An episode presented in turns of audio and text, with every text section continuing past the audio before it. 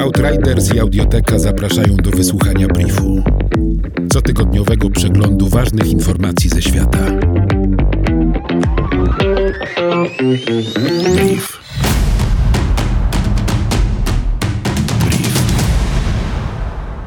Afryka to najsłabiej zelektryfikowany kontynent na świecie, najbardziej podatny na zmiany klimatu, a zarazem z najszybszym wzrostem populacji. Ma zasoby ropy naftowej i gazu ziemnego, z których korzysta. W 2017 roku najwięcej energii elektrycznej wytworzono w Afryce dzięki spalaniu gazu ziemnego, węgla, pracy elektrowni wodnych oraz spalaniu ropy naftowej.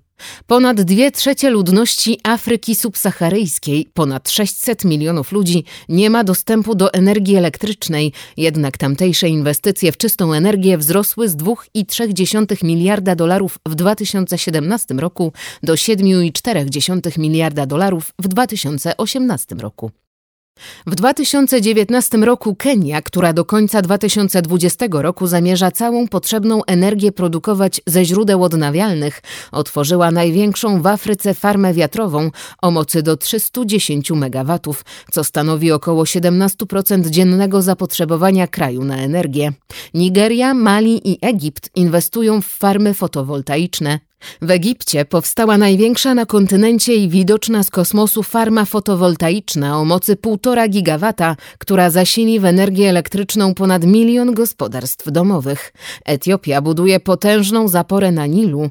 Republika Południowej Afryki stara się zmniejszyć swoje uzależnienie od węgla dzięki inwestycjom w nowe technologie. W 2019 roku deweloperzy zlecili na całym świecie zbudowanie co najmniej 35 projektów farm fotowoltaicznych o mocy co najmniej 200 MW. Jeden projekt o mocy 200 MW jest co najmniej tak duży jak 550 boisk do futbolu amerykańskiego. Europa ma być pierwszą dużą gospodarką świata, która do 2050 roku będzie neutralna dla klimatu.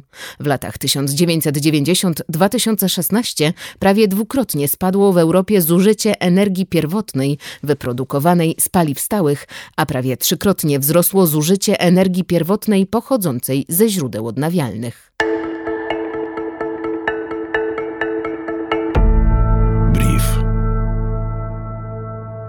Brytyjska firma Verisk Maplecroft przeanalizowała prognozę wzrostu poziomu morza w 500 miastach na świecie z ponad milionem mieszkańców i wskazała te miejsca, w których do 2100 roku poziom morza wzrośnie od 67 cm do 2 metrów przy obecnym tempie globalnego ocieplenia. 11 z 15 najbardziej zagrożonych miast znajduje się w Azji. To m.in. Kanton Dongguan, Tokio, Jakarta, Saigon i Ho Chi Minh.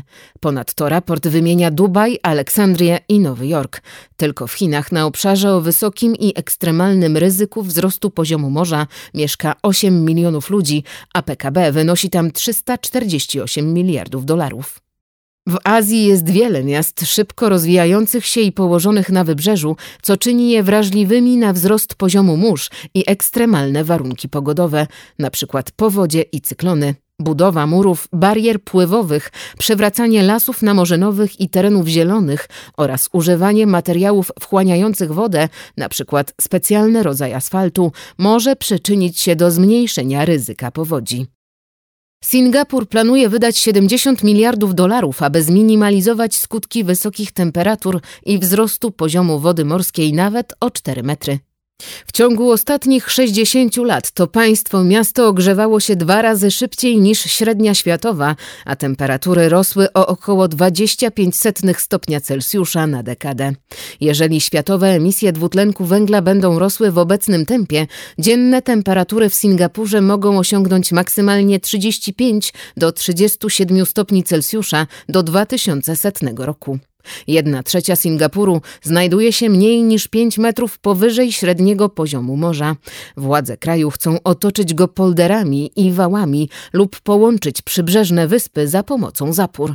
Budowane są autostrady, terminal lotniska i terminal kontenerowy, położone odpowiednio wysoko nad poziomem morza. Zarazem sektor naftowy i gazowy Singapuru jest wyceniany na około 80 miliardów dolarów, a 95% energii elektrycznej produkuje się z gazu ziemnego. Singapur zajmuje 0,5% powierzchni lądowej świata, ale przyczynia się do około 0,11% globalnej emisji CO2. To więcej niż niektóre kraje ponad 50 razy większe od niego. Brief Outriders. Nowe wydanie co piątek do posłuchania na lekton.audio ukośnik brief. Brief. Powtórki przez cały kolejny tydzień na Spotify i w Twojej aplikacji podcastowej. Brief.